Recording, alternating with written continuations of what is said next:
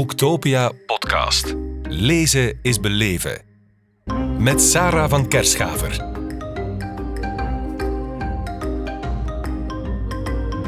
Veronique Bokstal, welkom in onze podcast hier op Boektopia in Kortrijk. Goedemiddag. Goedemiddag. Als titel kan het tellen, hè? je boek De Vrouw van 1 miljoen, uitgegeven bij Lano Campus. Een groeigids voor female founders. Waarin kunnen female founders nog zo groeien, volgens jou? Wel, er zijn verschillende dingen uh, waar ze kunnen in groeien. Het boek is er eigenlijk gekomen vanuit mijn eigen ervaring. Uh, vanuit het observeren van heel wat vrouwelijke ondernemers toen ik mijn eerste echt bedrijf had, zoals ik het beschrijf ja. in het boek. En um, ik merkte bij uh, mezelf, om te beginnen, en bij vrouwelijke ondernemers dat um, wij toch bepaalde dingen anders gingen benaderen -hmm. uh, en onszelf vaak tegenhielden om dingen te starten of te doen. -hmm. uh, vanuit een stuk zelftwijfel, uh, vanuit een drang naar perfectie, vanuit een beetje imposter-syndroom. Mm -hmm. ik, ik, beweer hier bepaalde dingen te kunnen, maar ze gaan wel uitvinden dat ik eigenlijk geluk heb gehad. Ja.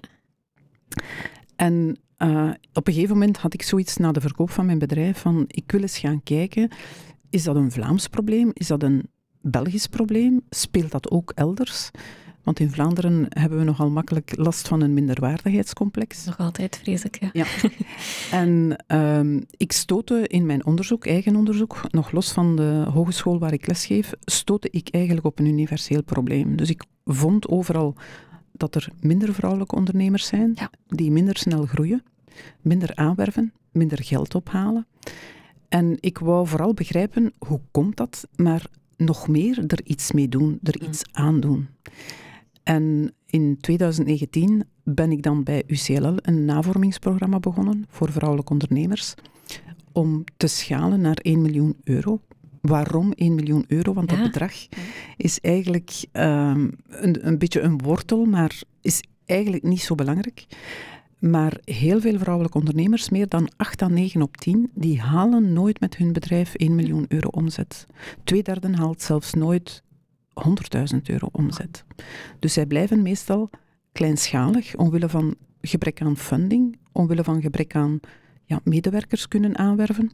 Ja, je noemt dat de dead zone. De dead zone. Uh, ja. Dat is zo die omzetzone tussen de 100 en 300.000 euro, waar je dreigt in te blijven zitten als je die zelftwijfel, die limiting beliefs, zoals ik ze beschrijf in mijn boek, uh, of die uh, niet, niet overkomt en die ambitie niet hoog genoeg durft te stellen. Hè? Dat je zegt van het is al goed genoeg wat ik aan het doen ben. Dus je blijft een beetje in die lifestyle business hangen, terwijl je perfect, zoals alle andere ondernemers, want op talent, op ondernemen staat geen gender, staat mm. geen geslacht, dat je ook die, uh, die kennis, die capaciteit hebt om te groeien maar het dan niet gaat doen om allerhande verkeerde redenen. Ja. En waarom, ja, als we die, die, symbolische kaap van 1 miljoen gaan hanteren, waarom geraken we daar niet boven als vrouwelijke ondernemers? Het klinkt zo'n beetje alsof je met je vliegtuig boven de wolken gaat vliegen. Ja. En ja, hebben we dan geen verbeelding bij wat daar te zien is? Toch wel. Um, ik heb altijd wat moeite om te zeggen, er zit bij vrouwelijke ondernemers minder ambitie, omdat ik vind dat dat niet waar is. Uh, maar vrouwen vullen ambitie vaak anders in. Uh, er is een ganse discussie aan de gang, vooral in de Verenigde Staten, rond groeien met je bedrijf. Wat betekent dat voor ons als vrouw? Uh -huh. Wij willen uiteraard in omzet groeien, in winst groeien, in, in, in, in omvang van ons bedrijf. Maar we willen daarvoor niet alles opofferen. Wij willen nog me-time, we willen nog tijd met ons gezin, we willen nog bepaalde dingen kunnen doen, los van ons bedrijf. We willen wel heel hard werken, maar niet ten koste van alles. Uh -huh. Niet, niet groeien omwille van de groei. Die missie-driven uh, of die purpose-driven uh, businesses, mm -hmm. zoals ze die vandaag noemen, die vind je heel vaak bij vrouwelijke ondernemers terug. En die missie die gaat eigenlijk boven die cijfers. Hè. We willen van betekenis zijn met ons bedrijf. We willen doing good while doing business, zeggen ze in het Engels. Um, dus ik geloof niet zozeer dat die ambitie bij vrouwen minder is, maar anders wordt ingevuld.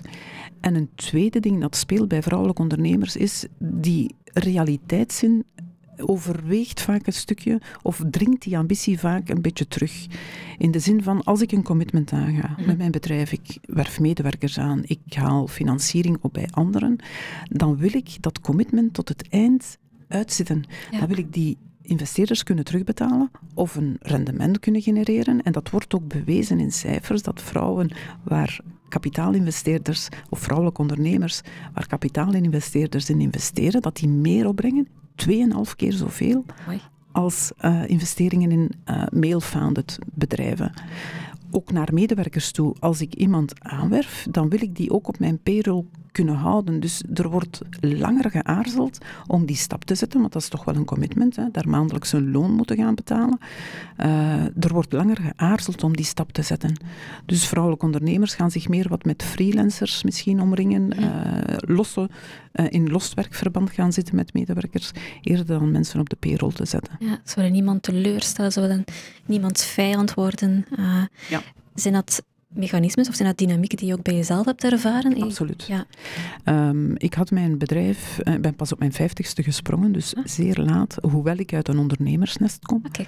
Uh, maar wat gekozen had voor een corporate carrière, een carrière in bedrijven, ik aarde daar niet in. Dan wat pseudo-ondernemer geworden als interim manager en op een gegeven moment dan toch gesprongen samen met een andere vrouwelijke onderneemster. En daar zag ik ook wel al de, het verschil in ambitie tussen ons beiden. Um, ik neigde wat meer naar toch aanwerven toch geld ophalen. Uh, dat 1 miljoen, dat was voor mij echt een droom. Uh, dat, dat eerste 1 miljoen halen. We zijn daar niet geraakt. Ik heb verkocht uh, rond de 250.000 euro omzet. Mm -hmm. um, Terwijl ik bij mijn co-founder dat niet zag.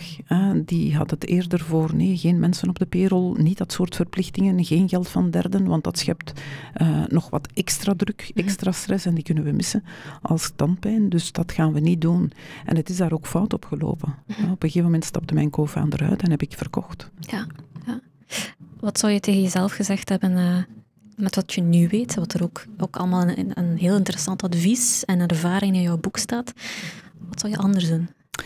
God, er zijn een aantal dingen, hoor, Sarah, die ik anders zou doen. Eerst en uh, vooral um, sneller die zelftwijfel proberen te overkomen. Ik heb me nog nooit zo onzeker gevoeld dan de periode waarin ik mijn eigen bedrijf had. Maar was er dan niemand inderdaad die ooit naast jou stond en zei, maar je bent echt goed bezig? En... Ik was toen ook niet op zoek naar iemand die mij dat zou zeggen. En ik kreeg wel af en toe eens de feedback van iemand van mijn raad van advies, maar ik zat daar vooral om mij te bevragen over ah, wat heb je gedaan en wat ben je nog van plan te doen en dit gaat niet goed, hoe ga je dat aanpakken? Uh, Plus ik had het gevoel dat ik altijd maar de verkeerde beslissingen nam. Uh, ik had ook het gevoel dat andere ondernemers het veel beter deden dan ik.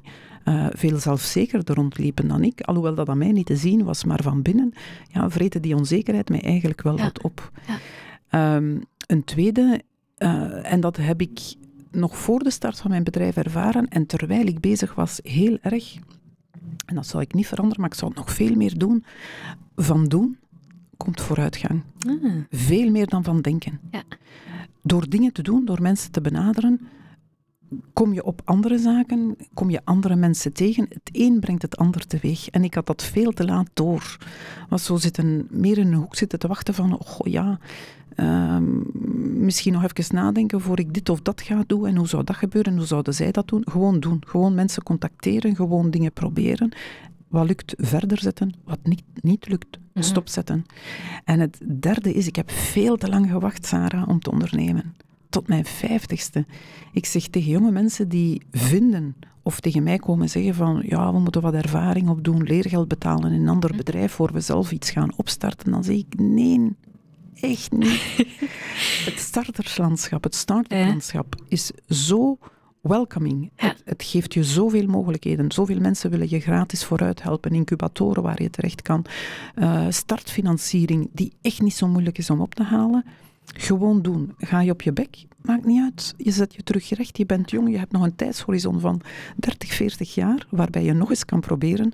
Want het hardste is een first-time entrepreneur. Een eerste keer ondernemen en iets opstarten van scratch. Dat zijn de moeilijkste dingen die er zijn. Ja in een familiebedrijf stappen, ook niet makkelijk. Ja. Maar je hebt iets, een bedrijf overnemen. Je hebt iets om op verder te bouwen. Wij zijn destijds gestart van scratch in een sector die we niet kenden. Dat is bloed, zweet en tranen. Echt waar. Het is, zoals je het wel vertelt, is wel heel prikkelend. ik heb bij de goesting om een, een btw-nummer aan te vragen. Um, ja, wat ik zo genereus vind aan jouw boek ook, als vrouwelijke ondernemer met ervaring, geef jij ook advies aan mensen vanuit een idee van ik wil female founders vooruit helpen. Doen vrouwen dat te weinig, elkaar advies geven of elkaar ja, dat ene duwtje geven dat je op een bepaald moment nodig hebt? Dat vind ik niet. Uh, ik vind doorsnee, ondernemers in het algemeen hebben altijd een hart voor andere ondernemers. Uh, je bent als ondernemer heel makkelijk meestal heel makkelijk bereid om anderen te helpen. Mhm. Je netwerk open te stellen, introducties te maken. Um, alleen, wat speelt er bij vrouwen meer dan bij mannen? Je komt ze minder in netwerken tegen. Mhm. Uh, ze kiezen ervoor om die tijd. Uh, bij vrouwen is netwerken vaak niet werken, terwijl bij mannen is dat net werken. Ja, of eens gaan uh, met de fiets, met de koersiets gaan, gaan rondtrekken. Ja. ja. Um, dus Terwijl netwerken en gericht netwerken, ik noem het altijd gericht netwerken, het staat ook in mijn boek beschreven, je zoveel goede dingen kan opbrengen. Want het mm. geeft jou de gelegenheid om die vragen te stellen waar je als ondernemer mee rondloopt. Sowieso. Je bent altijd op zoek naar iets. Het is naar geld, het is naar klanten, een nieuwe boekhouder, het is naar een partner, het is naar een co-founder, maakt niet uit, je bent altijd op zoek naar iets. En het is maar door die vraag te stellen overal waar je komt, dat er dingen naar jou toe komen. Ja want anders zit je daar maar te wachten tot iets gaat gebeuren. Gebeurt niet, hè? Nee, van wachten komt niks goeds. Hoewel je wel het onderscheid maakt tussen goed advies en slecht advies. Ja, ja. er is echt wel iets zoals slecht advies. En wat ik ook heb ervaren, ik had een raad van advies en ik zat in twee incubatoren, mm. startersincubatoren. Je kan zo ook iets hebben als te veel advies. En dat mhm. zei een van mijn, de leden van mijn raad van advies, omdat zeker in die start-up fase, als je een raad van advies hebt, of adviseurs of mentoren rond jou, die gaan zelden geld vragen voor wat ze doen. Dus die staan jou gratis pro deo bij. Mhm. Maar dan is het zeer moeilijk om dat advies naast jou neer te leggen. Want zij spenderen hun tijd aan jou. Je krijgt advies waarvan je zoiets hebt, eigenlijk ben ik er niks mee. En toch durf je dan niet naast jou neer te leggen. Zo ben ik met mijn bedrijf in een B2C-activiteit mhm. beland. Terwijl als ik achteraf bekeek, dit, dat achteraf bekijk, zoiets heb van, ik had gewoon mij moeten focussen op die B2B-activiteit, die online groothandel, mm wel gestoeld op een B2C-model, maar niet die verkoop aan consumenten zo snel er moeten bijnemen. Nee, nee. En hoe herken je het dan, slecht advies, op zo'n moment? Want ja, jij was ook op zoek naar, wat is nu de weg om te gaan? Hoe had je op dat moment kunnen weten, dit zou ik beter niet doen? Het beste advies zit in je buik. Ja, toch nog altijd? Buikgevoel. Ja negeer nooit je buikgevoel. Het enige wat ik altijd zeg is: zoek naar dingen die je buikgevoel ofwel wat stutten. Dat kan zijn je cijfers vastgrijpen en zien dat je goed bezig bent, of iemand bevestigt wat je denkt. Of iemand spreekt flagrant tegen wat er in je buik zit. Daar moet je ook naar luisteren. Hè? Want je bent als mens wat geneigd om te zoeken naar de ja-knikkers mhm. eerder dan de, Krasvrouw. de, nee, de naysayers. Ja. Uh, maar luister zeer kritisch naar wat op jouw pad komt en ben je toch overtuigd van je eigen idee dat je het zo moet doen, vooral doen. Ga maar, loop maar tegen de muur. Je gaat ervan leren. Ja. En je gaat misschien een andere richting uit die je daarvoor niet zou genomen hebben. Dus die, dat buikgevoel, ik ben enorm, een enorme big believer van buikgevoel. Dat bedriegt je zelden. Ja. Interessant. Uh, een bedrijf opstarten, dat vraagt misschien wel om een andere leidinggevende dan een bedrijf dat bijvoorbeeld turbulentie ervaart of een bedrijf dat enorm is gegroeid. Kan één female founder al die leidinggevenden in één zijn? Nee. Um, naarmate dat je bedrijf ook groeit, hè, je, je, je, bent een vader van iets beginnends, een embryo, hè, daar komt iets van, dat verkoopt, je, je krijgt een product market fit. Ik zeg altijd, je vindt betalende klanten. Hè, er lopen daar ergens mensen rond die bereid zijn om te betalen voor wat je doet. Um, dat is een heel ander leiderschapshouding, want je trekt vooral jezelf vooruit. Uh, je gaat klanten moeten overtuigen. Een keer dat je mensen aan boord krijgt, ga je die ook moeten meehalen in je verhaal. Die mee moeten inspireren om in de markt te zetten waar jij zo van overtuigd bent, wat jou zo warm houdt. Naarmate dat je bedrijf groeit, verandert ook je rol. En je ziet soms dat ondernemers, puur sang, afhaken als hun bedrijf iets te groot wordt. Die zeggen van, kijk, ik vind het heel leuk om iets op te starten. Die eerste ploeg van een 10 à 15 mensen warm te maken en mee te trekken in mijn verhaal.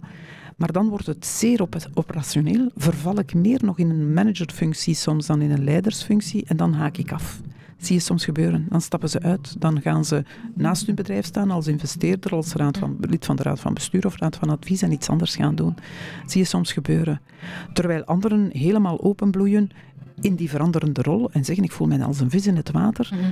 Ik heb nu een hele ploeg die heel wat operationele zaken van, van mijn bord neemt.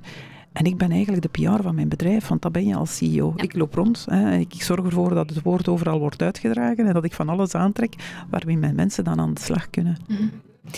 Voor je, boek, voor je boek sprak je ook met heel veel ondernemers. Je hebt heel veel ervaring verzameld. Hoe was het om dit nu allemaal neer te schrijven? A hell of a job. Je hebt afgezien. Ja, Ja. ik heb afgezien, eh, heel veel uitstelgedrag gehad. Voor ik, eh, mijn mijn eh, concept van mijn boek lag er vrij snel.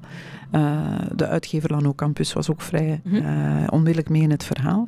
En dan heeft het maanden geduurd voor ik mijn eerste letter op papier heb gezet. Voor zo'n doener Ja. is dat wel atypisch. Uitstelgedrag, twijfel, ehm, het zal voor morgen zijn, ik ga het van het weekend doen. Tot ik op een gegeven moment een plek heb gecreëerd in mijn huis, Mm. eh, naast mijn kantoor, niet op mijn kantoor.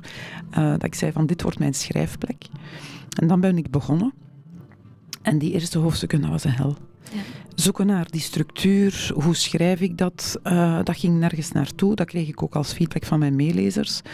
Ehm, dat ik op een gegeven moment tegen mezelf zei: ja, waar heb je nu gedacht dat je een auteur wordt, dat je een boek kon schrijven? Dat Allee, gaat terwijl niet. Ik heb jou daarnet nog gezegd wat een goed boek ik het Ja. vond. En totaal niet aan te merken. Het is Ja. zeer goed geschreven, zeer to the point. En ook daar wat mensen rond mij verzameld. eh, Ja. Van lees dit eens en geef alstublieft eerlijke feedback. En daar kwam terug van, we zien niet waar dat je naartoe schrijft, er zit geen structuur in. Hm. We zien wel iets, maar we weten nog niet goed wat dat er gaat van komen. En dan heeft een meelezer van Lano Campus mij echt op het rechte pad Ja, ja. gezet en gezegd van, dit is misschien een mogelijke structuur voor jou. En was ik vertrokken.